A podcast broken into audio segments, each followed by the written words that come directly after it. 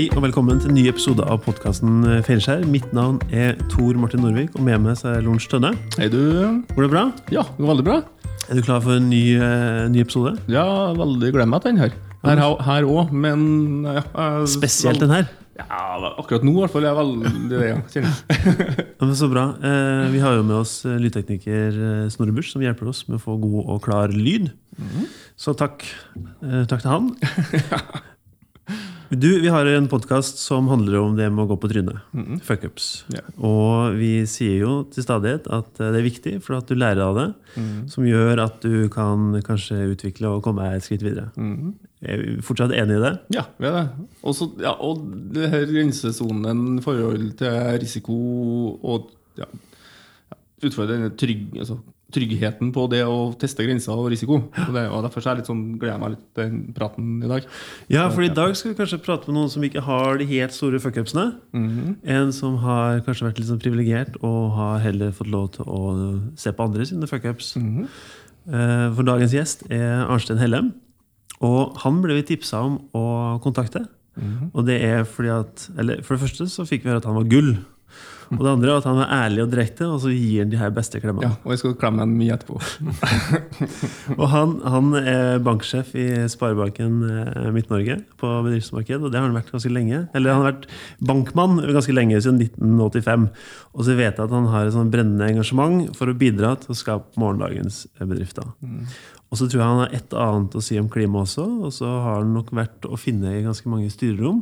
Har hatt en del verv. Eh, frittalende fyr som mener mye og mangt. Så det her tror jeg kommer til å bli veldig eh, morsomt. Okay. Er du klar? Ja, veldig.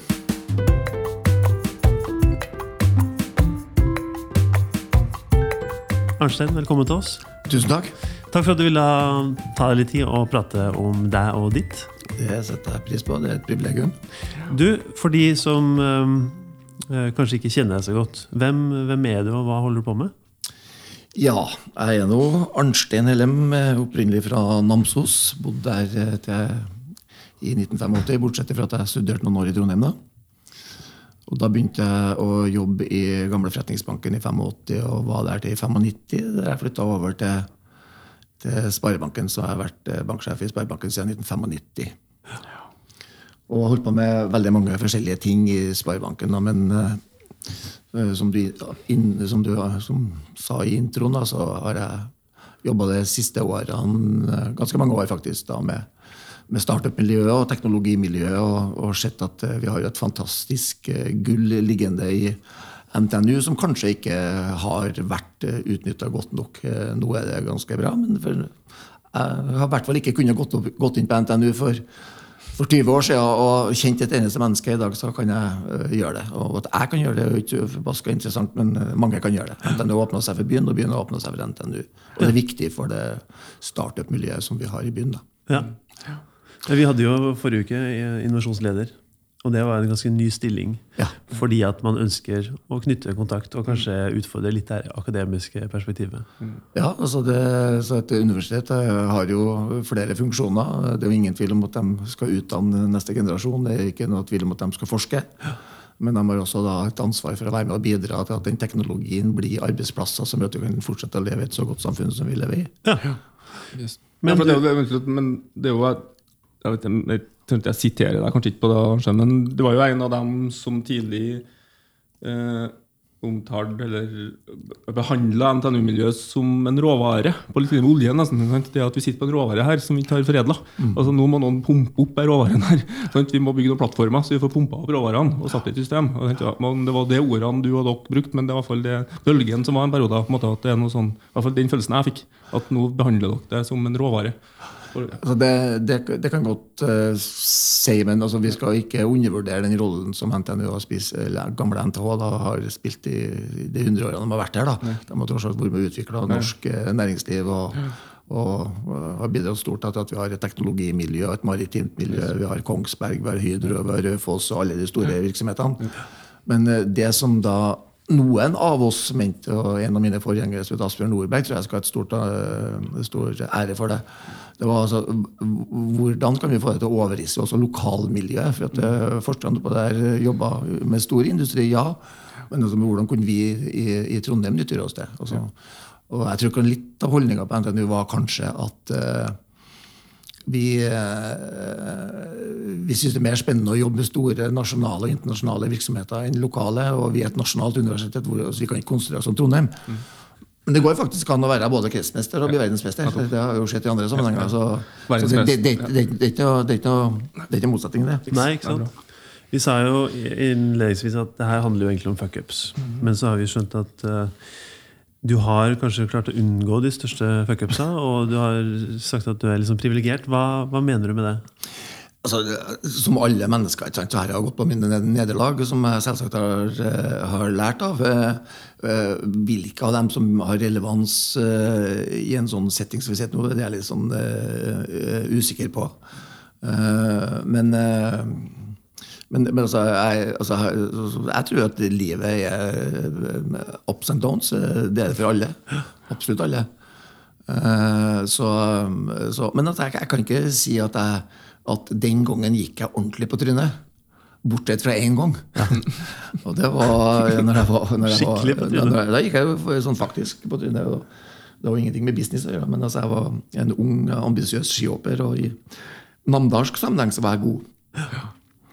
Og, ehm, og dette var i, i, april i, i 1970, og jeg skulle uh, øve meg uh, og trene i Granåsen i Namsos, for det skulle være vårhopprenn. Uh, dette var på en onsdag, og vårhopprennet skulle være på lørdag.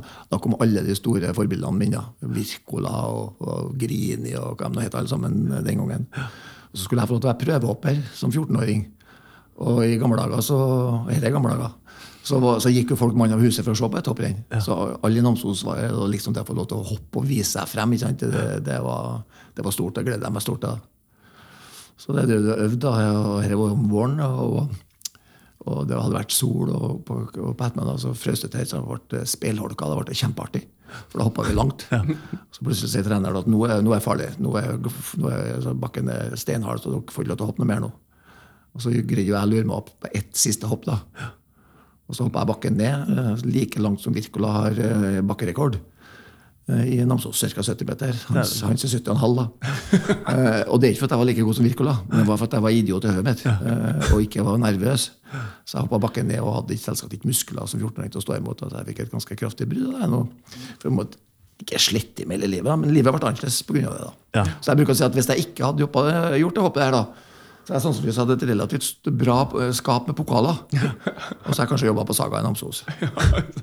Så det, det er noen tilfeldigheter som eh, velger Jeg vet ikke om det har blitt sånn, men, eh, men jeg var i hvert fall ambisiøs i forhold til å prøve å satse. Så du har faktisk hoppa etter Wirkola? Jeg har faktisk hoppa etter Wirkola. Og det gikk du åt skogen? Ja, jeg gikk åt skogen. Ja. Så lærdommen aldri hoppe etter Wirkola, ja, det er jo ordtaket. vet du. Det er jo fantastisk yes. at det eksisterer. Ja, det det. Men sannheten er jo vet du, at det det har vært hundrevis av hoppere eh, som har vært mye bedre enn Wirkola etter Wirkola. Mm. Men eh, å hoppe etter Wirkola når han, når han hoppa, det var ikke noe særlig spøker, for han var så genialt god. Ja, ja. Så første gang jeg traff Wirkola in person, altså, så var jeg på et fly. og Så gikk jeg, jeg bruker ikke vanligvis å gå bortover til kjendiser, men han var, jo en, han var jo et kjempeforbilde. Så gikk jeg bortover og så presenterte jeg meg og sa at du var mitt store forbilde. Så hvis jeg traff deg i 1970, så tror jeg jeg er dødd. og så sa han det at det var bra du traff meg, da. sa han. så fint. Ja, Men du fant lærte noe, da, at du burde høre på rådgivere? da ja, det kan jo være lærdommen. så vi kan ta Ergo du ble rådgiver? Ja. ja det, det, kan vi også snakke litt om. For det, det, det, å være rådgiver er viktig, da, altså, men det er dem som har skoene på, som, som, som, må gjøre ting. Det er mye enklere å, å fortelle folk hvordan de skal gjøre det. enn å gjøre det. Men, eh, men, det er klart, jeg skulle aldri hoppa det hoppet der. Ikke? Og han, Treneren min Karsten Johansen i Namsos var en fantastisk mann. Han sa at nå er slutt, og vi hørte ikke etter. Og det er sikkert lurt å høre etter når gammel hund gjør. Da. Det kan være lurt, det. Yes. Jeg har noe med erfaringa. Men du som har vært eh, banksjef, hvordan, eh, hva gjør du da i forhold til Du forvalter vel en del, eh, en del penger? Ja, sånn som, som, stort sett hele livet mitt, arbeidslivet mitt, så er jeg jo sittet i en posisjon der jeg har hatt ansvar for medarbeidere som har hatt som, eh, som funksjon å, å, evaluere prosjekter for å eh, se om de er verdige til å låne penger eller ikke. Jeg har alltid jobba på næringslivssida og ikke noe mot privatpersoner. da. Og da er jo jobben eh, til en bankmann det er jo å identifisere risiko, kvantifisere den og prissette den. Så så det å ha et forhold til risiko For at eh, når du låner ut penger med kanskje 5, 10 og 15 års horisont, eh, så vet jo det bare å se bakover i tid. Altså, hva, hva har skjedd? Så det, det er per definisjon relativt vanskelig selvsagt, eh, å, å, å, å låne ut penger. Eh, og Derfor syns mange at bankfolk er, er traurige. da, Men, altså, men vi opererer altså med så små marginer i, i, i bank at vi er, vi er nødt til å treffe på nesten alle beslutningene. Ellers eksisterer ikke banken. Jeg bruker å si at Den banken som jeg representerer nå, den har ca. 200 milliarder i forvaltning.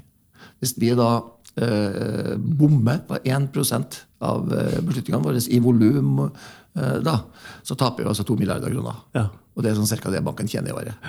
Så da ville altså ikke banken ha eksistert. Så, så du er nødt til å treffe eh, på, på, på, på, på de beslutningene du gjør. Og Derfor er vi da, er vi da flinke til å ta sikkerheter og kreve nok egenkapital. og alt det der som det skal til for at et prosjekt da skal ha en akseptabel risiko for bank, for det er eierne som skal ta pengene før banken taper pengene. Har du vært i en situasjon der du har sagt nei til noe, hvor du i etterkant tenker at fader eller? Ja, da, Det har jeg selvsagt. eh, Og det, det, jeg har flere eksempler på det, selvsagt. Eh, Og eh, når jeg satt som operativ leder, det gjør jeg ikke nå. altså Nå er jeg mer som fri, fri, fri stilling i banken. jeg. Eh, Så brukte Bare jeg på toppen? Hæ? Ja, en sånn gallionsfigur på Ja, toppen. sånn, et eller annet sånn, Johan uten land, eller hva som helst. Ja, men om du vil være ærlig, eller om du skal gjøre deg bedre enn du er. Men, eh, men eh, jeg bruker å si til, si til mine medarbeidere at hvis du låner ut penger som, og ikke får tilbake pengene, så vil, du, altså, så vil altså det vises. Altså, vi vet hvem som har lånt ut pengene, selvsagt. Eh, og hvis du er dårlig til å vurdere risiko, så har du ingenting i en sånn avdeling å gjøre. Eh, Så da må, du, da må du finne en annen å gjøre, og det har jeg vært med på. Jeg har sagt at det her passer ikke for deg, du må bort. Eh, Sånn er det bare. Men altså, det er en like dårlig faglig vurdering å si nei til et prosjekt som blir bra, som å si ja til et prosjekt som blir dårlig. Ja, Eh, Så det å ha det mindsettet eh, tror jeg er viktig. Eh, Og det, det er soleklart at jeg har sagt nei til prosjekter som jeg angrer meg på, for det har, det har blitt bra. Og, og jeg, har mange artige eksempler på det. Så, så et av dem sa jeg nei var den verste tida i bank. Rundt 1990 så var jo alle bankene relativt ille. Så var det var to gutter som kom til meg og, og hadde et kjempeprosjekt som de trodde på. Så sa jeg nei. Men de ga seg jo ikke. Eh, Så de fikk det jo til. Eh, Men med hjelp av andre banker og andre måter å finansiere det på. De brukte både leasing og mer til. De brukte alt som fantes av finansielle instrumenter for å få det til, og så ble det suksess. Og da jeg begynte i Sparebanken i 95, så så jeg jo at de var kunde der. Så da innkalte jeg dem. For at jeg ville jo prate med dem. ikke sant? Og, og så husker jeg på at, du, at, du, at du, dere besøkte meg i 1989 når jeg jobba i den andre banken. Eh, Og det, da de kom da på, på det møtet da, inn på mitt kontor, da, så kikket de på meg med store øyne, så tok de frem et eh, brev da, som jeg hadde signert da, i 89 ikke sant, på avslag. Ja, vi husker det. Kanskje det var det som motiverte deg til å ja, det ble, men vi ble gode busser, vi også. Så jeg var med dem, eh, jeg var med dem lenge. Og de fikk, som veldig mange andre, så fikk de i én fase pga. en strategisk feil beslutning, de fikk inn en feil eier, så fikk de problemer. Eh, Og da var jeg ganske tøff eh, i, i forhold til å si at guttene her, dem tror jeg på. Så vi, tok en ordentlig fight imot en av de største aktørene i Norge. Og greide å skvise ut den eh, store aktøren da, som, på, ja, som ikke var en god eier for dem. da. ja. Og selskapet har lyktes godt. Er i dag solgt for ganske mange millioner og er et veldrevet selskap i byen i dag. da. Ja. Så det går det an å være litt stolt av. Hvis jeg ikke hadde gjort det, så, så hadde jeg gått konkurs den gangen. De, de var i skifteretten, og jeg gikk i skifteretten med en garanti og sa at jeg betaler alle, banken betaler alle de kreditorene i selskapet. Dette selskapet ikke gå konkurs. ja, Da hadde du rett og slett på Da hadde jeg baller på ståltro. Så hadde jeg selvsagt støtte oppover i min egen organisasjon. da? Så, Forrige gang vi møttes, så snakka vi litt om at hvis du skal inn og få um, i støttedag, eller om å få lån, så snakker du egentlig en datamaskin, og så putter du noen tall, og så får du ut en prognose som dytter pila i en retning. Men når du holdt på, så var det jo mye mer det må være mye mer skjønn. altså Du har en magefølelse, både en rasjonell avgjørelse og en eh, emosjonell avgjørelse. Du skal jo se på tallene, men også på folka. Hva er det som gjør at du Hva er det som gjorde deg god? Nei, et, eh, I den grad jeg var god, da, så, så det og det å identifisere hvem det er som har guts nok eh, til å stå på også når det butter imot. Så det å kjenne eh, folk Jeg, jeg tror det er helt avgjørende. da. Nå er jeg altså tilhører en annen generasjon kreditt- kredittfolk enn dem som eksisterer i dag. For i dag så er det fantastiske eh, modeller sant, som brukes. Eh, som da sikkert er rimelig treffsikre. Eh, dessverre er sikkert bedre enn folk. Eh, men jeg syns jo at det artigste er å låne ut penger til tross for, ikke på grunn av. Ja. Ikke? Så, så modellene identifiserer jo ikke de som vil komme til å lykkes, eh, eh, når, når modellen sier at du ikke skal være med. Eh, og der lurer jeg på om vi da hiver noen barn ut med badevannet. da. Ja. men det er ikke, det er ikke eh, Bankene tar ikke den type risiko lenger. Og det er pga. at vi har fått fordelt finansmarkedene mer fornuftig i dag enn før. Eh, det finnes forskning fra NTNU faktisk som viser at, eh, at den desidert største eh, ventureinvestoren eh, historisk sett har vært bankene som da har tatt egenkapitalrisiko med lånerente. Og det er en dårlig butikk. Så du tar full risiko om du får bare lånerente på det. Mm. Men i og med at vi er relativt gode på det, så har vi vært med og bygd virksomheter. Eh, rundt eh, lett å si at det er for ca. 20 år siden. Eh, Så begynte egenkapitalmarkedene å fungere. Ikke sant? Altså de fondene som vi kjenner, ikke sant? som er satt opp eh, bare, her i byen. Ikke sant? Type Viking Venture, Pro Venture, Investinor, som er statens. Ikke sant? Familieformuer som er organisert. eh, Ikke sant? I form ja, Østhus-familien med Staur, ikke sant? Svendsen-familien med sitt. Ikke sant? Så, det, så, så risikoen skal i hovedsak ligge på, på, på egenkapitalen, for det er den som har oppsida også, Ja. ja. når det går bra. Og selvsagt nedsida. Eh, Så, så rollene er mer eh, fordelt. Så, det, så, så det, bankene ikke, tar ikke den samme type risiko som vi gjorde. Eh, Du tar selvsagt risiko som er syklisk. Den banken vår har jo da tapt en god del penger på at oljeprisen sakk for noen år siden. Og har hatt store problemer på, på Vestlandet. Eh, og det, jeg sier ikke at det var dårlige beslutninger som vi tok. Det, altså, det er en syklisk krise pga. at oljeprisen ikke sant, går fra 120 kroner til 30 kroner. Eh, 30 dollar, mener jeg. Unnskyld. Eh, 120 dollar til 30, 30 dollar. Det er klart at da, da, det, da, det, da, da blir det innsparinger ut i, ut i havet ikke sant, der det bores. Og da går det da på båtene som skal levere, og alt sammen som er da infrastrukturen som opp imot sånn når aktiviteten går ned. Og da, da, da blir det Selvsagt som taper da først eierne sin kapital, ikke sant? og så taper da, da dem som er långivere, enten obligasjonseiere eller banker. da. Så, så den type risiko vil alltid være. ikke sant? Så vi tror jo, Når vi ser på en annen bransje som er kjempelønnsom for tida, så er det jo, er det jo fisk eller oppdrett. da. Og nå får de ca. cirka, jeg vet ikke, jeg følger ikke med prisene fra dag til dag, men sånn ca. 60 kroner kiloen. da. Eh, Men i 2002 så var den 14, altså. 14 kroner kiloen. Og da kosta jeg 17-18 kroner av produseren. Så da blir det dårlig butikk. Hvis du taper, Et av de selskapene som gikk, gikk galt her i Trøndelag, da var jo Vidnor. Da, da må du jo 20 millioner kilo. ikke sant? Og hvis du da taper 3 kroner per kilo, så er det 60 millioner i året. da. Eh, Stygg med penger, det. Det, det, det ble jo et, kjempe, ble et, kjempe- et kjempeselskap etterpå. Ja, det var det. Ja. Hvor? Lerøy var- kjøpte det. ja, Lerøy som kjøpte det. Riktig. Hvis du ser til Amerika, så er det helt greit å ha et par konkurser bak seg når du skal være i business. Da betyr det bare at du har levd et liv og har forhåpentligvis lært noe. Eh, Men hva tenker du hvis det kommer noen på kontoret ditt og skal ha penger, og så ser du at de har noen, eh, noen eh, år bak seg hvor det har gått skikkelig dårlig? Altså det, det der er et, eh, et eh, vanskelig spørsmål å svare på. Hvis jeg skal svare på hva jeg egentlig ønsker å si, så er det at eh, det er klart du lærer av dine feil. Er derfor du har det podkasten her. Du lærer av dine feil. Og den amerikanske kulturen den er annerledes enn vår, på godt og vondt. Det meste tror jeg er bedre hos oss. Men de har jo en litt sånn mer offensiv holdning knytta til at, at hvis du har feila, så, så har du lært. Og da gjør du ikke det flere ganger. Dessverre, som jeg sier, at gjennom erfaringene mine så har jeg sett at uh, vi har noen sånne konkursgjengangere. Altså, det, altså det, er noe, det, er noe, det er noe med genene. Altså det å drive business er på en måte altså Enten er du, er du god forretningsmann, så er du ikke. uh, og det, og dessverre så er det en sånn tendens til at uh, hvis du ikke, hvis du ikke er en god forretningsmann, så har du, en- har du en, en tendens til å gjenta feilene du gjorde forrige gangen. Eh, Du har liksom ikke lært nok. da.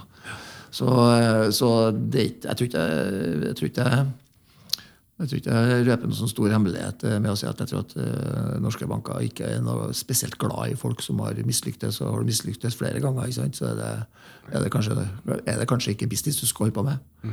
Så er du altså 40 år ikke når nåla i veggen, ikke sant? så er det kanskje ikke eh, den du skal satse på. Nei.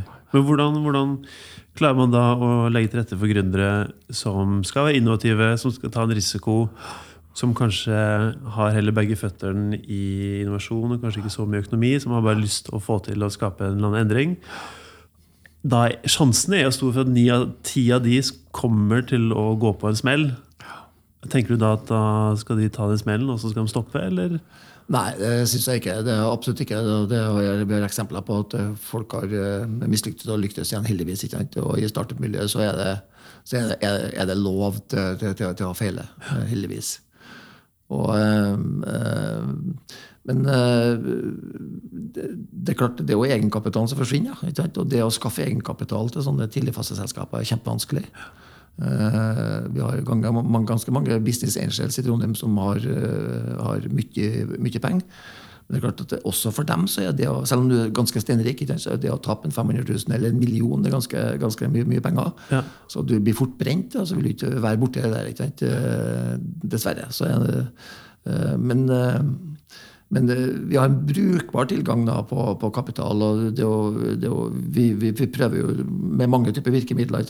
Nå, den 28. skal noe som heter Investor Day, som vi har holdt på med nå i snart ti år. Det er Sparebanken, NTN Axel. og ikke ti år, seks-sju år kanskje. Eh, Og nå er TechCritical Cluster med i, i år.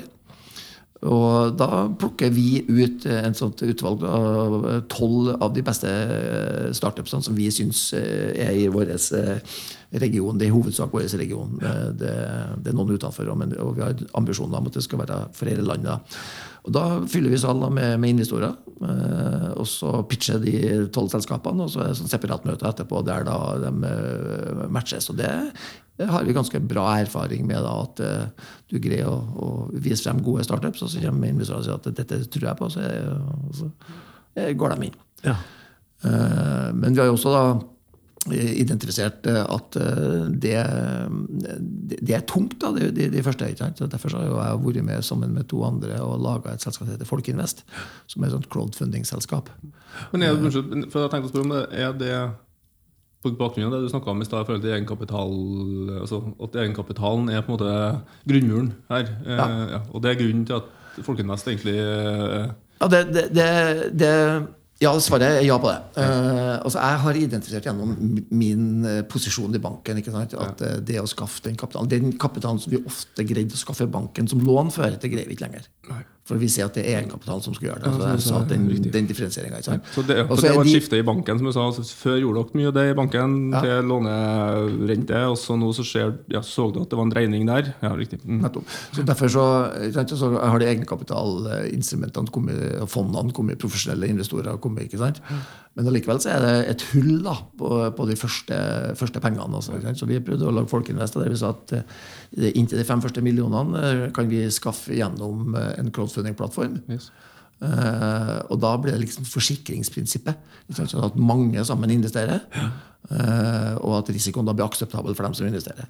Så snittinvesteringa på de kampanjene som er kjørt gjennom Folkinvest, de var jo på ca. 15 000-16 000 kroner. Og mengden av investorer eh, investerte ca. 2000 kroner. Riktig. Uh, Og det, det har jo flesteparten uh, råd til. Og da er du med på, på en måte å bidrar til at eh, flere ideer får uh, muligheter til å bli verifisert ute i markedet.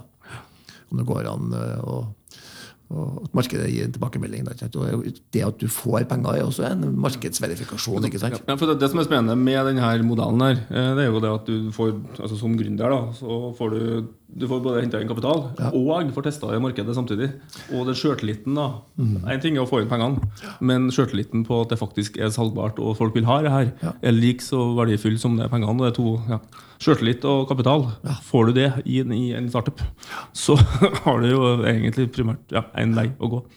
Så, ja, men, det, men Folkeinvest, der er det som annerledes enn hva andre der er at der får du, kjøper du, det kjøper du aksjen. Kjøper en aksje. Riktig. Og går inn i egenkapitalverden der, som da er Og det er annerledes enn hva andre crowdfunding Ja, altså det, det finnes fire typer crowdfunding. Eh, Det ene kaller vi for donasjon. Eh, Det har vi alltid holdt på med eh, menneskene. Altså De har rett og slett gi en gave til noe som du mener er viktig for, for et lokalsamfunn. lysløypemaskiner, Lysløype, lysløype, ja, ja. nettopp. Ja. Til og med Frihetsgudinnen i USA er jo ikke sant? Notre-Dame, kirka.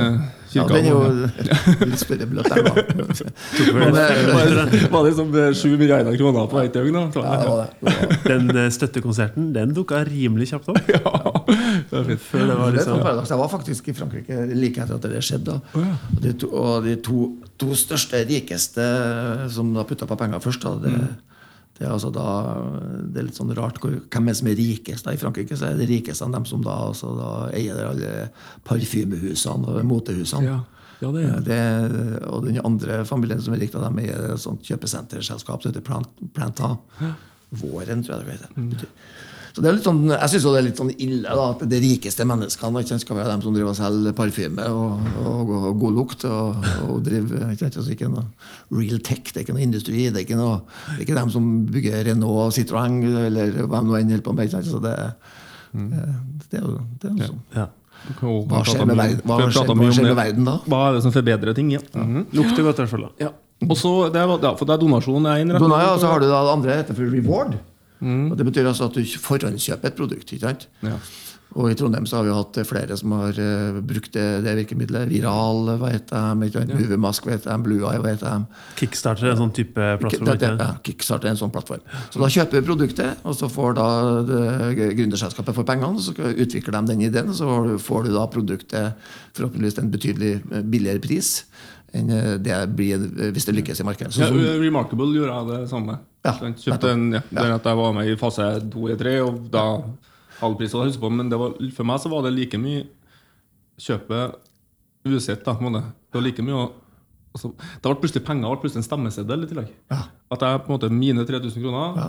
ble like mye at jeg stemmer på dere. Jeg heier på dere. Mm, som om at jeg produktet Men jeg vet ikke om jeg hadde kjøpt det for 6000. Det det var et eller annet med den her krafta i det. Men hvis jeg ikke tar helt feil Jeg vet ikke helt og nå mer skal jeg noe fare for å si noe helt uh, feil om, men jeg mener at det var historie på Oktopus som laga sånne 3D-VR-briller som crowdfunda. Og du skulle da reward-metodikken. Mens det de egentlig gjorde, var at de, altså det som skjedde, er at du fikk selvfølgelig tusenvis av mennesker som ville ha produktet, og så skal de sette det i produksjon. Men så kjøpte Facebook selskapet. Som gjorde at det ble enten forsinkelser, eller at det ble, eller alle avtalene der på en måte var ikke gjeldende likevel. No, muligens jeg tar, øh, tar feil, sier noe kjempefeil her, det får noen da å øh, rette meg på. Men det at det ikke da, de som hadde gått inn med penger, fikk ikke produktet. Fordi at du, det er egentlig ikke, du har ikke forplikta deg til å få produktet. Det er reward-saken, som, sånn som jeg har forstått det, gjennom de amerikanske selskapene. Men jeg vet ikke om det, Det, det, høres, det høres egentlig litt rart ut. For at Facebook har kjøpte det litt, og utvikla produktet, at de da ikke også hadde den forpliktelsen knytta til dem. eh, Men også, hvis det gode jurister laga lover som at de kunne hoppe av det, så burde de i hvert fall Så, ja, skjemmes. så det kan være at det var veldig presentert et skrekkscenario som jeg har øh, tatt som uh, sannhet. For at det kunne ha vært sånn, eller at det skjedde sånn. Det skal jeg ikke si. Men det er en, av, ja, en retning, ja. Og så er det Og så er det andre, tredje er jo da eh, eh, lån. Og Dere har jo noen låneplattformer. ikke sant? Så det er da de, de prosjektene som er små og risikofylt, som bankene ikke vil ta. Så kan du låne penger, så får du kanskje 10-15 avkastning eh, på, på pengene dine, for de har råd til å betale 10-15 på, på lånet. Eh, Så det er er ganske stor vekst, da. Eh, og det er for så vidt uh, sikkert uh, et greit produkt, men altså du, du får jo den samme downsiden. Hvis det ikke lykkes, så taper du pengene. Eh, Men hvis det lykkes, så får du bare den avkastninga som har blitt lova som 8-10 Og Den siste er jo egenkapital, som Folkeinvest med. og det er da, da får du hele oppsida. Altså, hvis det går lykkes, ikke så får du jo den oppsida. Eh, Så jeg syns det er en sånn mye ærligere eh, måte å, å hente inn penger på. Sant? For du, du, har, du har den downsiden, men du har, altså, du har full oppside hvis det da går, eh, går bra. Yes. Og vi var jo det første selskapet i Norge med en norsk plattform. da, så nå er det kommet flere. da, så Monner, som er et selskap i Stavanger, som drev med lån, de har nå da begynt i vår med egenkapital. og så heter i Bergen heter Dealflow, og så er det et som heter for A-Round. Så nå er det da eh, fire plattformer som opererer med egenkapital i, i, i Norge. da. Er det vanskelig å bygge tillit til de plattformene? Ja, altså det eh, Både ja og nei. Altså det, man, vi prøver å være veldig ærlige på at det her er høy risiko. Ja. Kjempehøy risiko. Så du appellerer på en måte til to gen egentlig, på sånn folkefinansiering, eh, i hvert fall av egenkapital, som jeg kan litt om. da. Det, er altså, det, er litt sånn lottogen. Eh, Du satser, hvis du satser 2000 kroner eller 3000 kroner, så har du jo råd til å tape det. Flesteparten har råd til det. Og og hvis det lykkes, da, så er det jo ikke 6000 du får igjen, eller 60 eller, eh, eller 200. ikke sant? Tenk hvis du får den her enhjørningen. Den, Ja, den ene Ja, som bare sant? Da, ja. Det, det, det, det er jo derfor folk uh, tipper òg. For at man håper at det skal store gevinster komme. Sannsynligheten for at du vinner på Folkeinvest er mye bedre enn enn i tipping. Men så det er klart. Betydelig bedre. Uh, og det andre er jo et sånt mer sånn filantropisk eh, gen, som ikke veldig mange tror at vi har. da, Men altså, det er flest, jeg, flesteparten som jeg kjenner, de sier at jeg, de, jeg har vært, vært med og fått verifisert og bidratt til at ideer kan få lov til å prøve seg. At det ikke lyktes, det er fair enough. Hvis de har gjort så godt de kunne, og jobba hardt, men markedet ville ikke ha det. Eller at det var en teknisk løsning som ikke lot seg gjøre, eller det kom noen andre aktører før dem sant, som laga noe som var enda bedre, eller noe er som gjør at du ikke lykkes. Eh, Så er det mange som sier at ok, vi prøvd, fair enough, lyktes ikke. Eh, Og hvis vi skal eh, leve etter oljen, som er så populært å si, så det har vært ikke tvil i, i mitt hode. Det er ingenting som kommer til å erstatte oljen. Altså, det er ingen industrier som kommer til å erstatte oljen. Eh, Så det er mange eh, ting som erstatter oljen. eh, Når den da etter hvert decliner. ikke sant? Og hvorfor gjør den det? Jo, den gjøres jo for at det er en begrenset ressurs.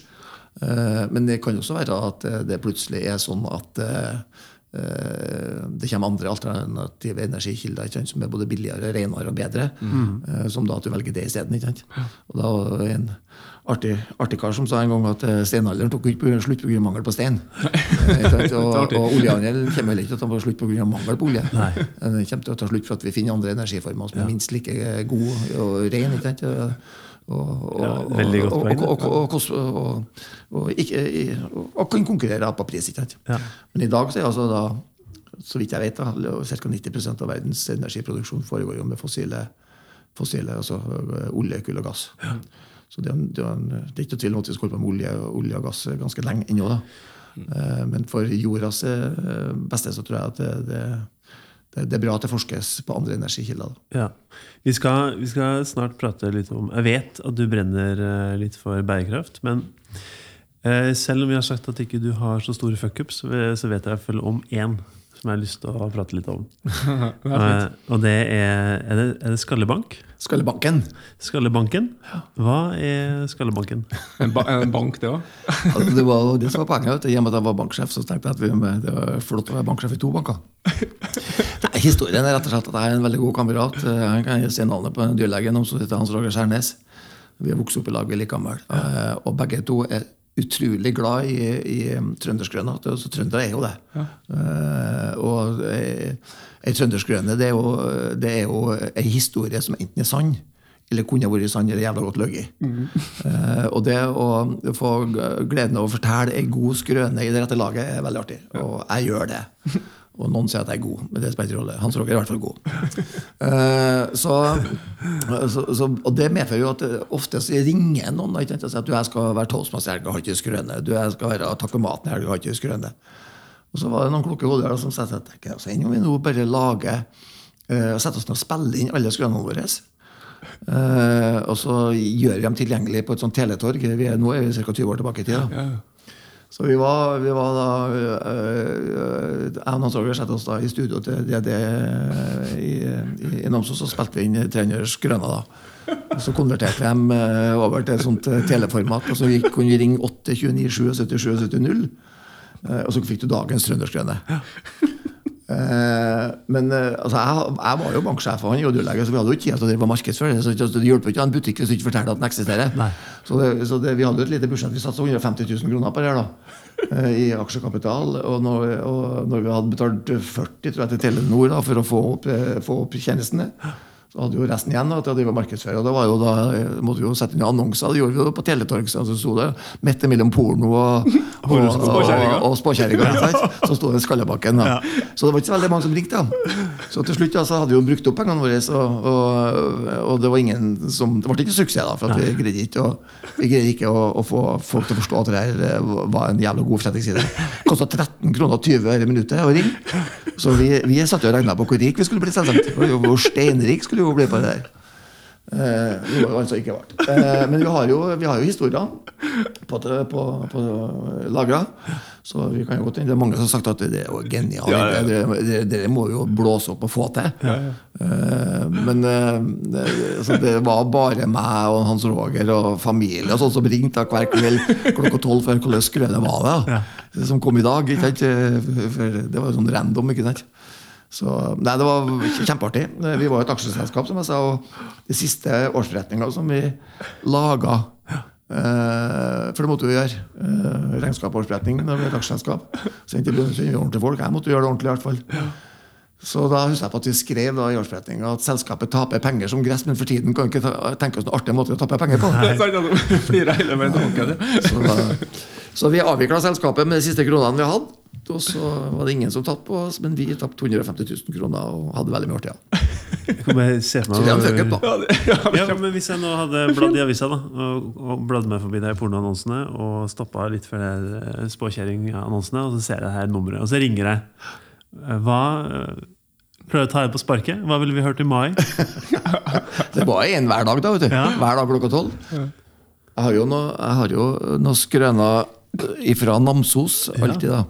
Alltid. vet det, Der, er- der er det mye ligging. Ja. Og jeg var jo et år på Verdalen, så jeg har noen derifra òg. Så da tenker jeg da på hvordan skal jeg da fortelle, fortelle da skal jeg fortelle Du må, passe på at den ikke setter noen i forlegenhet. og Det ønsker jeg jo selvsagt ikke. da. Men, eh, men det var, det var en, en i Namsos da, som hadde en lyte i livet at den stamma litt. da. Stammer ikke litt, den stammer ganske mye. da. Og da var det eh, satt meg en natt eh, og diskuterte over en eh, De drakk vel karsk, som jeg antar, som vi gjorde i Namdalen på den tida. Og så diskuterte de Vietnamkrigen, eh, og så ble de uenige, veldig uenige.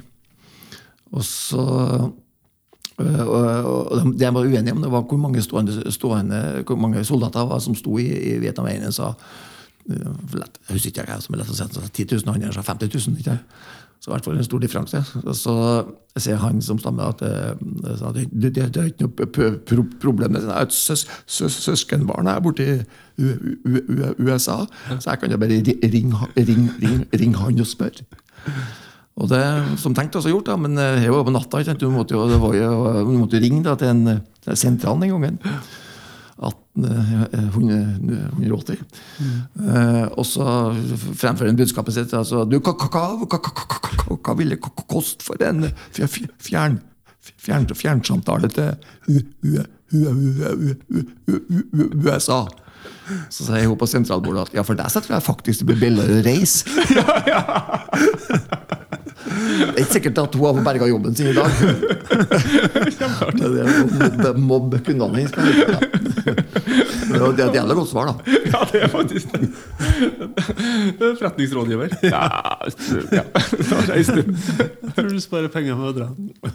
Du, eh, Det var sportgjort. Takk skal du ha. Og hva skjer med den bladet i avisa her? Skal jeg ringe til KT Klara eller Artig Arnstein? Ja, det- Ja, det er ikke tvil om hva du skulle gjort. Jeg har fått det mye mye, mye artigere. Altså, det- du har noen fantastiske gullkorn i de historiene der. Altså. Det er noen, mange mange gode historier der. Altså. Ja, vi må da ha Vi har jo Her er jo studioet. Vi har da faen vi får da kjøre opp Skallbanken igjen, da. Nei, jeg tror, eh, jeg, jeg tror det hadde funka som bare det. det. Men det der igjen, det var jo bare markedsføringa. Hadde folk visst om det, Ja. hadde blitt nedringt. Det, og det er jo en sånn typisk telefonistjeneste som folk Ja, da har jeg vært en av byens største investorer i dag i startups. Med egne penger. Yes. Jeg har vært uh, gründers yndling. Nå prøver jeg å bli det gjennom Folkeinvest isteden. Nå kommer han artigkallen igjen. Ja. Så artig. Men jeg har også skjønt at du er opptatt av eh, det å støtte opp under de som jobber med innovasjon. Vi snakka så vidt om at når du går forbi eh, en, for en strømkontakt, så kan du velge å se på den og bruke den. Eller så kan du tenke at det her er ikke det beste versjonen av strømkontakt. Vi må jo kunne gå an å utvikle den, eh, gjøre noe annet. Og eh, du har vært ganske aktiv i Ungt Entreprenørskap. Ja. Hvorfor er Ungt Entreprenørskap så viktig? Oh, det er jeg glad for at jeg du spør meg om. Nei, altså, eh, jeg, jeg, bruker å si det på min måte. Jeg sier at vi er, I Norge så er vi flestparten flesteparten av oss, og de kan jo tenke alle som sitter og hører på her nå, vi er altså andre eller tredje generasjon bønder eller fiskere alle sammen. Altså, andre, vi har altså ikke noe historie for å drive kommersiell virksomhet. Altså, hvis du bare går til Sverige, så er det helt annerledes. En helt annen industriell tradisjon. Et helt annet land. Så kunne vi jo tenke på hvorfor er det sånn. Eh, jo, altså etter svartedauden så gikk vi inn i den mørke natta på 400 år under danskene. Og deretter 100 år under, etter, under svenskene, og så blir vi selvstendige i 1905. Og så landet vårt er 100 år gammelt. Altså når danskene og svenskene så hadde jo dem alt av, eh, av borgerskap og forretningsfolk. så De henter jo bare råvarene herifra. Eh, vi har litt eh, i noen byer, type Bergen, ikke sant, som handla med fisk og hadde, var en Hansa-stat. ikke sant, og, og, men, altså, men, vi har altså, sånn billedlig så har vi ikke noen sånn industriell tradisjon i, i landet her. Og da skal vi lykkes, så, så må, vi, må, vi, lære oss å tenke entreprenørielt. Tenker jeg. Og, hvis, å forandre sånne gamle hunder som uh, meg og etter hvert dere, det, det, er vanskelig. Så vi må starte med ungene. Og Ungt entreprenørskap eh, starter i, i, i, helt ned i barneskolen. Mm. Uh, for å, å, prøve å lære dem å tenke entreprenørielt. Altså at problemer er til for å løses. Se muligheter. Som du sier, altså, Den som ikke tenker entreprenørielt, han går forbi en ting og så sier at det, det, det funker jo ikke. Altså, det er jo rart at noen har tenkt på. Altså, noen er jo ikke ansatt noen plass. Ikke sant? Uh, så det også da, Mens den som da tenker entreprenørielt, tenker nytt, det, det må jeg jo ordne. Og det, det er jo flust av sånne. altså type Bjørn Lyng. ikke sant? Så hvis han så et problem, så, så løsner det. Ja. Uh, og det der uh, tror man er sånn, noe som er medfødt. Det har jeg ikke tro på. Altså, det er ingen som tviler på at du blir bedre i matematikk og i, i engelsk og i norsk hvis du øver og trener. Ja. Uh, hvorfor skal det ikke da være mulig å trene den entreprenørielle muskelen? Altså det ordet er helt nesten umulig å si. da. Entreprenørielle muskelen. Altså det, det, er det vi tror. da. Så og da er det, De har jo ca. 20 programmer. der det, det, mest kjente programmet er jo da at du har ungdomsbedrift eller bedrift etter barne- og ungdomsskolen. Og når du ser på hva de ungdommene får til, det er helt fantastisk. Hvis dere ikke har vært på en sånn fylkesmesse uh, der de presenterer ideene sine, det arrangeres hvert år uh, på i, i Trøndelag så er jeg på Magneten. Fantastisk uh, hvor, hvor, kreativ og, og, og, flott det er. Men det, det er jo, det, uh, UE er jo en, en stiftelse sant, som jobber sånn utafor skolen sant, og ikke har fått full aksept til skolen. Så det er bare noen få av elevene som får borti det. Stadig flere etter hvert, selvsagt. Og jeg er prinsikker på at vi er nødt til å la enda flere elever få det. Og etter hvert så sier jo politikerne at dette vil vi ha mer av. Uh, og det støttes jo av uh, jeg tror fire departement som finansierer entreprenørskap. Mm. Uh, så politikerne er jo stolt av det som UE får til. Ja. men dessverre så er det sånn at det ikke har fått det innpasset i skolen som det fortjener, syns jeg. da. Og, Hva er grunnen til det? Det tør jeg nesten ikke å se. vet du, da, altså, Jeg tror at at, uh, altså det, det, det, det fins faktisk altså lærere og rektorer for den skyld, som syns at det her er på en måte en kommersialisering av skolen. Da. Så da har de misforstått hva det er. Altså, vi skal lære ungene å tenke nytt, kreativt og være offensiv. Uh, så det, det, er på en måte bare et mindset som vi skal være med å sette. Mm. Uh, og da selvsagt under den forutsetninga at du mener at verdiskapning er viktig. Og hvis du ikke mener at verdiskapning er viktig, så har vi ikke noe mer å prate om jeg og andre. da. Uh, for verdiskapning er selvsagt forutsetninga for velferdsstaten. Ja. Altså, hvis ikke vi greier å skape arbeidsplasser som er lønnsomme, som gjør at vi skaper verdier, så har vi ikke noen skatteinntekter. Da har vi ikke noen mulighet til å drive landet her. Så vi er nødt til og, og, nå er jeg tilbake til etter oljen, som jeg hoppa så Altså, vi er nødt til å, å, bruke i det landet her, så vi er nødt til å bruke eh, kunnskap eh, som vårt konkurransefortrinn. Mm. Og det fins faktisk et par andre universiteter rundt omkring i verden ikke, som er relativt store og gode. Mm. Så vi må jo finne ut hva skal vi gjøre da, for at vi skal kunne utvikle produkter som verden vil ha og betale for, sånn at vi kan opprettholde den levestandarden. Hvis vi ikke gjør det, så har vi det utrolig smale hans Berger. Altså, vi var Europas fattigste land for 100 år siden.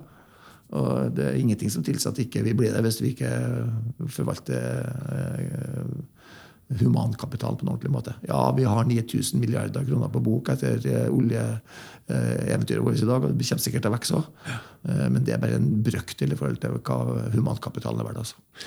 Vi snakker så vidt om at når um, de her elevene viser frem det de har uh, kommet frem til, så er det jo ikke så mange bedrifter som står der og klar å dytte penger eller investere eller hjelpe dem videre. At, hvordan, skal man, hvordan skal man skape mer interesse rundt de ideene som blir kommet frem? For det er jo unektelig mye fornuftig de det å holde på med.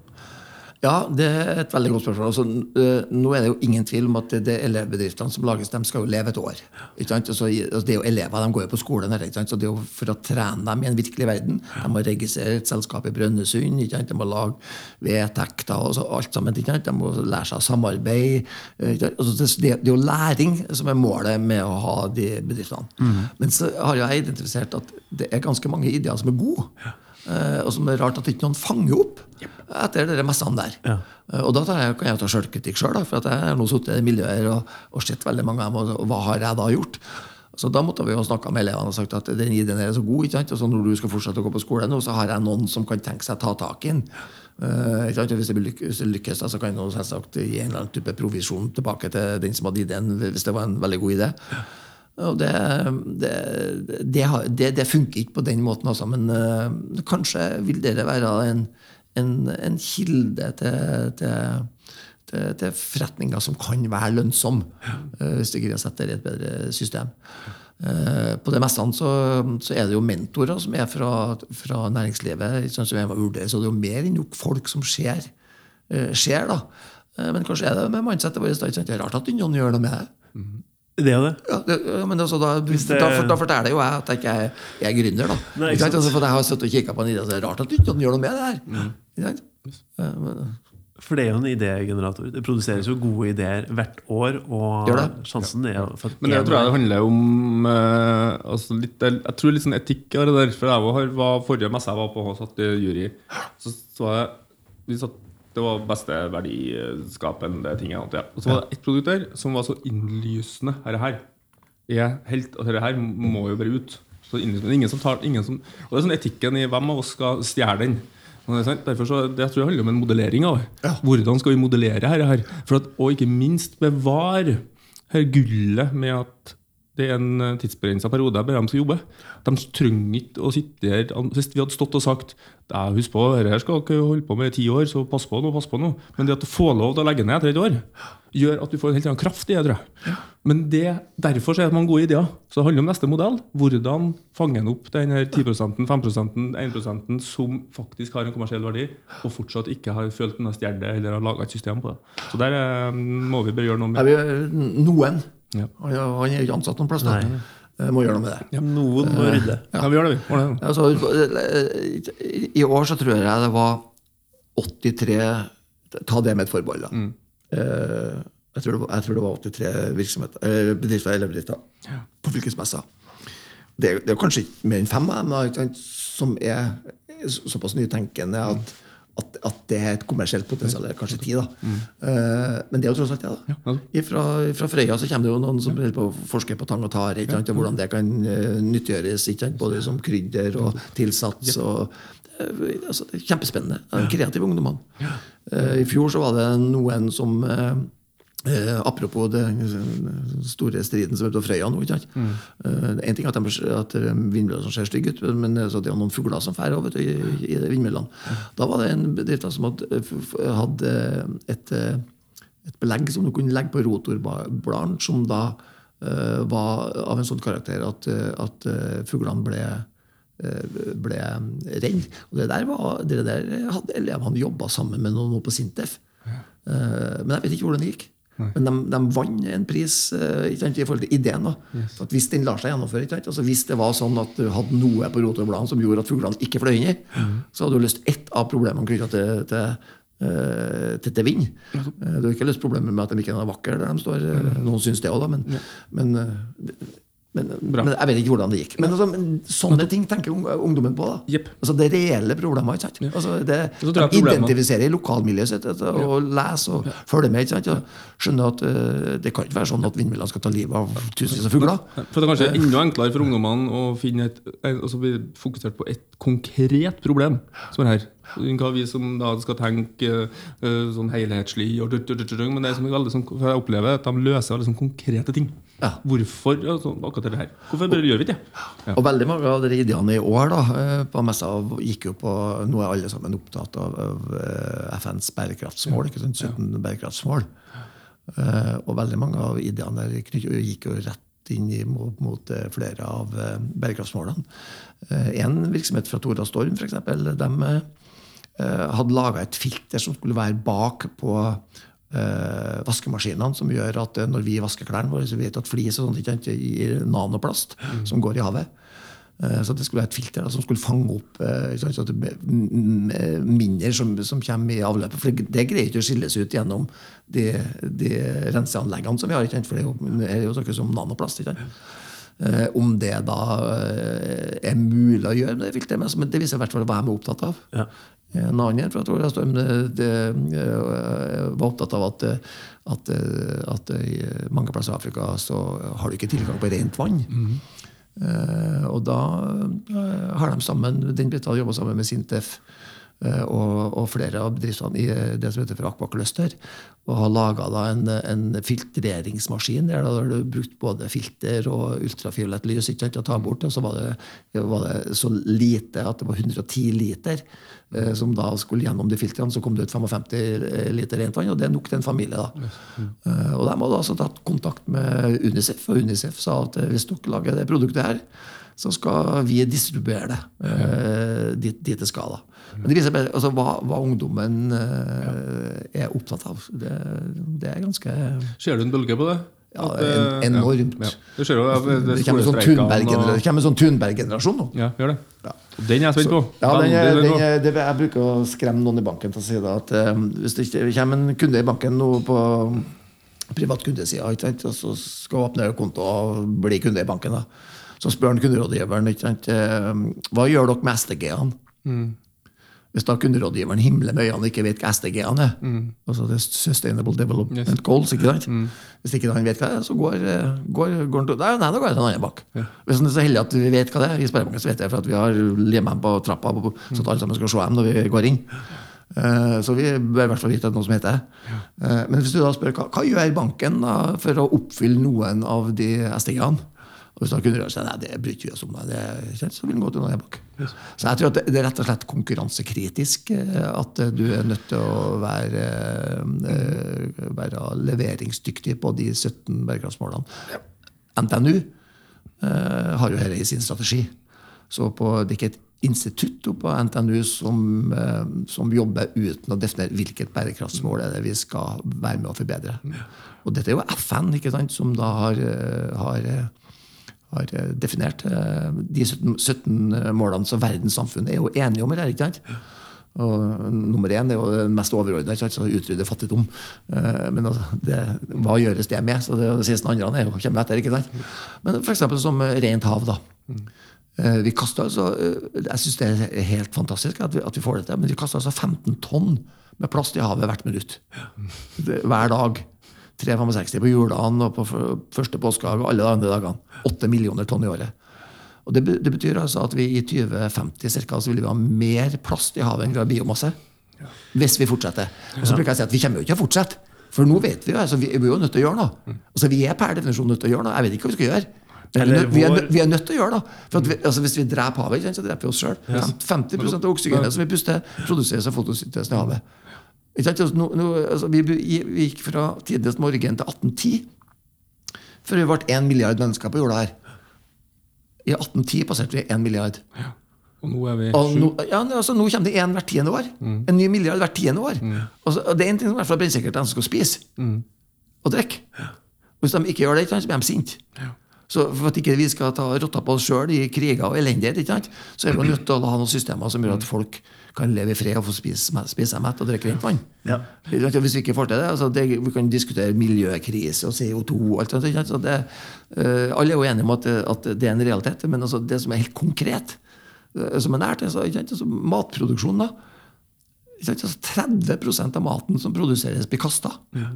Mens, mens det er folk som er fattige og ikke får tak i mat. Altså, da er det noe med logistikk og fordeling ikke sant, som ikke funker. Eh, så, og, havet er jo, er jo 70% av jordas overflate er hav. Hvis vi dreper det, så har vi gjort oss sjøl en bjørnetjeneste. Det skal jo egentlig være det vi skal dyrke i fremtida. Mm. Om det er akkurat den måten som vi dyrker laks i dag, det vet jeg, men det, så det, men eh, det, det forskes jo på det òg. Med havmerder og altså, med lukka systemer og alt sammen. Vi er i hvert fall nødt til å bruke havet til å lage mat. Garantert. Og hvis vi, hvis vi dreper det, så får vi ikke det. For der kan vi kanskje ikke bruke denne inngangen vår. At eh, du må feile for å så lykkes. Vi har liksom ikke råd her til å fucke det. Nei, men, verden, men det er interessant Vel, jeg er superspent på det vi ikke forutså i det hele tatt som skjedde en fredag her, er at plutselig så hvor stor andel av ungdommene våre, ungdommene våre som streika. De møtte ikke opp på skolen en dag. Uh, hvis en anser det som en pilot, da, hva gjør velferdsstaten hvis at de plutselig slutter å møte opp på skolen permanent? Ikke for at de skal være vanskelig å tverre, men de bare sier vi kommer ikke. For hele systemet rundt hele velferdsstaten handler om at vi skal gå av skole, og så skal vi inn, og så skal vi sånn og sånn, men det er akkurat det de er opposisjonister mot. Fikse opp først. Vi kommer ikke på skolen. Hva gjør vi da? Da kollapser på en måte velferdssystemet vårt. Hvis, hvis ungdommene plutselig sier 'jeg kommer ikke på skolen'. Og Altså, det, jeg, er jo per definisjon optimist, så jeg er brennsikker på at vi løser det. ikke sant? Men, men det, altså, det, det, er en, det er en god regel å prøve å måte, forutse hva som eventuelt kan komme til å skje. Og, og det, Jeg kaller det en Thunberg-generasjon. Altså, hun- og sier da, hva, hva, er vits, hva er vits for meg å gå på skole og utdanne meg hvis det ikke, hvis det ikke er noe jord å ta over? Ikke sant? Eh, nå tror jeg at det er jord å ta over, for jeg tror at mennesker greier å løse alle problemene. Og vi har et universitet i Trondheim som har altså, som visjon kunnskap for en bedre verden. Da er jeg ikke opptatt av duppetingser. De er faktisk opptatt av det her. Sant? Og jeg jobber i en del andre sammenhenger med folk som jobber i Equinor eksempel, sier at vi er et energiselskap. Ja, vi skal produsere olje, men vi skal også skaffe eh, energi på en annen måte. Jeg var i, i, Sammen med Technoport, som jeg sitter i styret, så var vi og besøkte Sofia Antipolis, som er en sånn ganske spennende sak utenfor eh, i, i Provence. Og Der er de forska på, på hydrogen. Eh, Som de mener da er den neste energibæreren. ikke sant? Og Om de lykkes, vet ikke jeg, men altså det, det, og Statoil kjente, kjente det prosjektet. Så, så vi er, nødt, vi er nødt til å bruke eh, kompetanse og kunnskap eh, for å lage bedre løsninger på det som helt åpenbart ikke funker. Blant annet så skal jo sies det, og det er ingen grunn til å tro at det ikke er sant. Altså I 2050 skal 70% av jordas befolkning bo i, bo i byer, megacities. Ikke sant? Eh, og i 2050 så er vi 10 milliarder mennesker. Med andre ord, alle menneskene som bor på jorda i dag, ca. 7, skal bo i byer. I, i, i 2050. Det, det skaper jo noen utfordringer knytta til logistikk. Ikke sant? Avfall, tilgang til vann, transport. Eh, og det, Du trenger ikke å være rakettforsker for å se at uh, sånn som det ser ut i enkelte av de byene der med eksos og biltrafikk? Om, om du ikke tror på klimakrisa, så kan du i hvert fall tro på miljøkrisa. Ja. For det går ikke an å puste inn her. Verdens helseorganisasjon sier at 92% av verdens befolkning puster helseskadet luft i dag. Det døver flere. 92, 92 ikke sant? Og det er jo ikke bare for at de bor i megacities, men også hvis du bor i Afrika? Og, og fyrer opp høtta hytta di med, med kull ikke sant? og leser i er og, og koker på, på, på, på, på, på kål, ikke sant? så er det ikke akkurat eh, helsebringende. Sant? Så det, det, det, jeg leste en gang at det var at det er flere faktisk som døde av luftveissykdommer i verden enn av kanser. Riktig. Underkommunisert, mener jeg da. Ja, det det det, det, det, det må jo løses. Ja, det må det. det, Altså, er, det, altså, det må er, løses. jeg er brennsikker på at menneskene greier å løse det. Ja, det, er, det er noen som skal løses. det menneskene, Ja.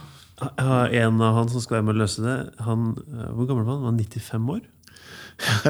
Pierre Lafitte, ja. Han som da var gründeren av Sofia Antipolis, ja. For hva, hva er Han var, For noen år siden var han ikke det, så trodde han litt på at eh, Eller han trodde ikke det var så ille med denne klimakrisen. Ja, eh, Han er jo da gründeren av Sofie Antipolis. Det er 50 år i år, men han starta rundt 1960. Jeg hadde gleden av å treffe ham og hadde ham til lunsj eh, når vi var nedover med styret med Teknoport. Han var en fantastisk artig mann. da. Og Han er jo geolog, og, og geologene er jo kanskje dem som er, eh, kan greie å forklare de svingningene som er i i, i, i, i klimaet, med, med modeller eh, som sier at det er naturlig. Eh, og og uh, flesteparten tror, tror ikke på det lenger. Men uh, det, det er noen som sier at det er, unat, det er ikke noe unaturlig. Hvis du går tilbake på hva IPCC og, og andre har, Verdens energibyrå har sagt om hvordan ting skulle være i dag, så, så er det jo ingenting av det de sa på 90-tallet og på 2000-tallet som stemmer. ikke sant? Altså Maldivene skulle vært under vann, ikke sant? og havet skulle, se med to, skulle stige med en meter. og, og det, altså, det er noen skrekkscenarioer som ikke har inntrådt. Eh, men det, men altså, vil også en gang at eh, Altså, jeg har husforsikring, selv om huset mitt ikke er brunnet. Så det, er litt- sånn vanskelig å, å, å si at dette tror jeg ikke på. Altså, for at Konsekvensen av at det er sånn, er så stor. Men han, Pierre Lafitte han laga Sofie Antipolis da, på 50 år siden med en sånn trippel helix-modell. Han sier at vi er nødt til å samhandle akademia, næringsliv og, og det offentlige for å, å løse de store problemene. Den gangen var ikke de store problemene det samme som i dag, men det var i det, i det, i, i det triangelet ting må løses. da. Så Derfor så laga han Sofia Antipolis, som da er både en innovasjonsk og et universitet. og en egentlig en helt stor by. da. Kjempespennende å være der. Eh, og så, så spurte han da, ikke sant, altså, du er geolog, du, ikke sant, så er ikke det bare naturlige svingninger? da? Så sa han ja, det trodde jeg at det er for kanskje jeg òg, inntil for fem år siden. sa han. Og nå er han 95, ja. så da var han 90. Så da tok han seg en liten runde og så for han rundt på alle verdens beste universiteter og snakka med de beste folkene. Og så sa han at nei, det er ikke tvil. Altså, nå, går, nå går det så fort at det er at det er faktisk ikke noe tvil om at mennesket er i ferd med å påvirke miljøet på en sånn måte som ikke vi vet helt konsekvensen av. da. Eh, og dermed så er det et av de største prosjektene på Sofie Antipolis det går på ny energi og, og, og har en måte å, å, å produsere hydrogen på som er økonom, som ikke må spørre meg hvordan, da, men eh, det, det, vi prøver jo, det er et prosjekt her på Tjeldbergodden som skal bruke naturgassen ikke og fange CO2-en og så få hydrogen.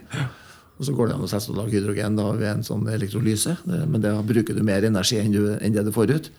Altså, men det, det kan jo godt hende at vi, hvis vi greier å skaffe rene energikilder øh, ikke sant, og lage, som har, nok strøm til å gjøre den elektrolysen, sånn at du kan lage flytende hydrogen, eh, som gjør at du får rene biler, så har vi i hvert fall ikke, da har vi i hvert fall ikke eksos og, og dårlig luft i ikke sant, at det, brukes til frem, fremdrift, selv om du, du får ut mindre energi enn det du bruker. Ja. Men den er i hvert fall eh, den løser et miljøproblem eh, lokalt. da, Der hvor bilene. Jeg skjønner, jeg skjønner at du er optimistisk med tanke på at du har vært så tett på ungt entreprenørskap, og det at du har pratet med folk som har noen fornuftige tanker om hvordan vi skal løse det. Så det eh, jeg håper virkelig at vi klarer å gjøre noe lurt for at vi skal klare å Altså, jeg, jeg, jeg, jeg, trøster meg med at verdenssamfunnet har jo Du kan jo mene akkurat hva du vil om FN, ikke om de er effektive eller ikke, men det er i hvert fall vårt verdensorgan. Ikke sant, og når de har blitt enige om 17 bærekraftsmål, så det vil jeg tro at det er noen kloke hoder som har tenkt. Og jeg har sagt dette må vi gjøre. Det er en kjempeutfordring, selvsagt. Og så er det da ungdommer som da tenker helt annerledes enn vår generasjon gjorde. Så jeg, jeg er brennsikker på at, jeg er brennsikker på at vi løser det, løser det. Men det er faktisk sånn at det må løses. Altså Det er bare i Fredrikstad at alt ordner seg. vet du, Ellers så må det ordnes. Så det er ingenting som ordner seg.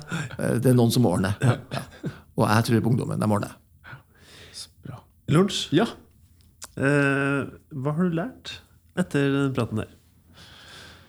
Lært Hva sitter du igjen med? Uh, Ja, uh, uh, veldig sånn gode Hvis jeg tar opp imot det med fuckups og feilskjær og sånn, også, så tror jeg det er, det er kanskje bare min følelse også, på en måte at vi har vært um, den generasjonen, altså yngre, måte, og det å uerfarne folk, har vi på en måte ikke sluppet inn så mye i tradisjon for det før.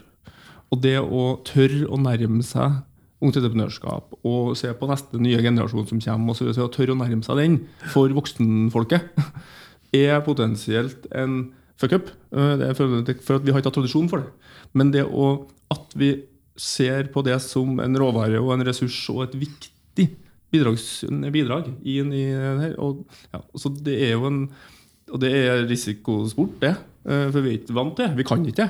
Eh, Vi har ikke modeller for det. Vi, trent, altså vi har ikke trent muskelen vår og hjernen vår og tankegangen vår på det å inkludere det tankesettet inn i modeller og forretningsutvikling osv. Og, så videre, og, så videre. og det syns jeg Arnstein får et veldig sånt fint perspektiv på her nå. Og det var viktig for meg å få det perspektivet òg, for det er akkurat som Arnstein sier, det er det som skaper optimismen. Vi, men da må vi voksne og voksne og her bankfolkene osv. Eh, voksenverden, som jeg kaller dem, de må være trygge på modellene og på tryggheten sjøl. Og det synes jeg er et veldig spennende perspektiv i det med feilskjær og med fuckup. For det er noen potensielle feilskjær her. Men det å trykke det helt ned på 15-16-10-åringer i skole og som tar entreprenørskap, da, men det er at det Selvfølgelig blir det masse fuckups der, men det er for mjuk fuckup. Og det også liker jeg og hvis en har det med at det er tidsbegrensa ting. Eh, i forhold til, ja. Så det var et sånn fint perspektiv for meg her, å få høre det fra en med tittel banksjef, og ikke med noen jeg møter på pub og som har lyst til å redde verden. på en måte. Det er noe sånn, Jeg ser så mye sammen, men det er forskjellige måter. Så det var veldig fint, det, syns jeg. Ja, skal jeg, skal jeg kjempe et lite råd som jeg? Du skal ta kontakt med f.eks. Frank Nordberg i Ungt Entreprenørskap eller Tora Storm, som har egen entreprenørskapslinje. Så sier jeg kunne plukke ut en en elev som, eh, som er meningssterk. Så tar dere en podkast med en ungdom eh, på 15-16 år og, og prater med en kult. eh, og hører hva de har å fortelle dere. Ringer Frank med en gang. Han kjenner jeg godt, så det er faktisk veldig godt tips. Veldig bra. Ja, det, det gjør vi. Eh, Det jeg også skjønte, at du skal høre på hopptreneren din. Ja, det er ganske lurt, ja. Når gammel hund gjør, så skal du høre. Det er en Jeg grunn, har det er en grunn flere gode historier på det. Da, så, det så sånn er Det det. tar vi en ny podkast på. Ja. Ja, da har vi kommet til den delen hvor vi snakker om hva er det som har gjort oss glad uka som har gått. Og Arnstein, er det noe spesielt som har gjort eh, livet litt eh, lettere? Ja, nå eh, starta vi jo med å si at jeg er på solsida, så Så jo så Det lar meg beruse av enkle ting. I går så tok jeg ut min motorsykkel, en Triumph Bondeville fra 1970. eh, Som ikke er verdens beste fremkomstmiddel sånn kjøreegenskapsmessig, men som gir meg en fantastisk følelse. Og Da kjørte jeg rundt Jonsvann og kikka på at hvitveisa var kommet, og kjente på god, eh, deilig lukt. og Følte meg fri som uh, fuglen på min første motorsykkeltur i år. Fantastisk opplevelse. Og så er Det det har ikke skjedd ennå, men det er jo i morgen. Vi lever i et fantastisk land. En av de viktigste dagene vi har, er grunnlovsdagen vår, 17. mai. 8. mai er en kjempeviktig dag, det òg. Ja. frigjøringsdagen vår. Noen har kjempa eh, hardt for at vi skal leve i eh, dette gosen som vi lever i. Eh, noen for lenge siden, når de laga Grunnloven ikke sant, og gjorde oss til et fritt land, selv om vi da brukte ca. 100 år da, for vi var kvitt svenskene. uh, og noen som kjempa for 70 år siden for at vi skal leve i et eh, fritt og godt land. Så jeg gleder meg til å feire 17. mai, og det gjør jeg hvert eneste år, for det er en flott dag. Ja, Fint. Du har lunsj. Uh, jeg klarer ikke å tenke på noe annet enn hva, at jeg er litt sånn motvillig Jeg bor jo på et sted med to uthus. Og det å flytte fra by og ut på landet med to uthus gjør at du har bare plass for å stuke bort ting. Du kaster jo faen meg aldri noen ting. Det. Og så var jeg som plutselig bare Fattern sto med tilhenger på gårdsplassen og bare skal vi begynne?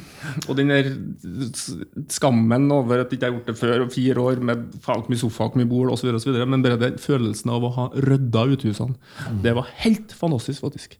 Det anbefaler jeg alle.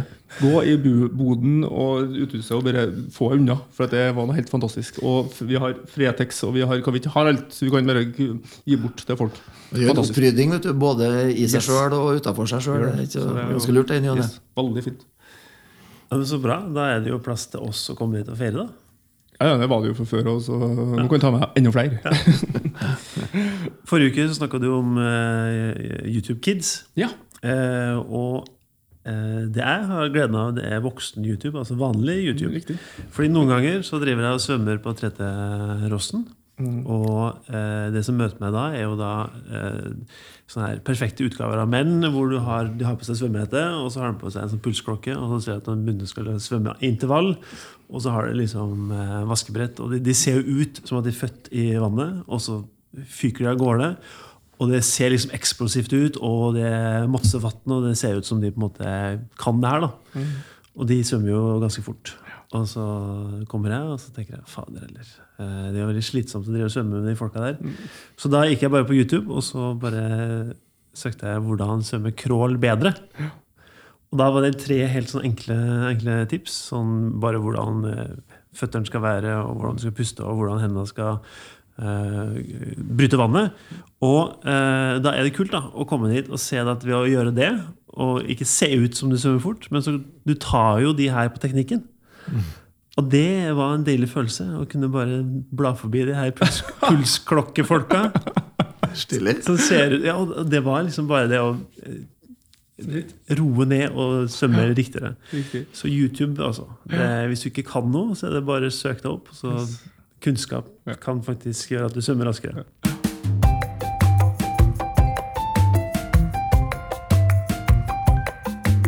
Takk til dere som har vært med oss eh, så langt. Og nok en gang takk for at du har vært her, Arnstein. Du, hvor, hvor er det vi kan eh, følge deg på nett? Har du noen steder hvor du aktivt eh, har en mening som vi kan finne? Ja, altså jeg, jeg er ganske aktiv på Facebook. Jeg bruker Facebook eh, til å formidle ting som jeg tror på. I ny og ne så er nødt til å legge ut noe som er mer eller mindre eh, privat eh, for å få likes. Ellers så kommer jeg ikke opp på feeden til folk. Noen som fortalte meg.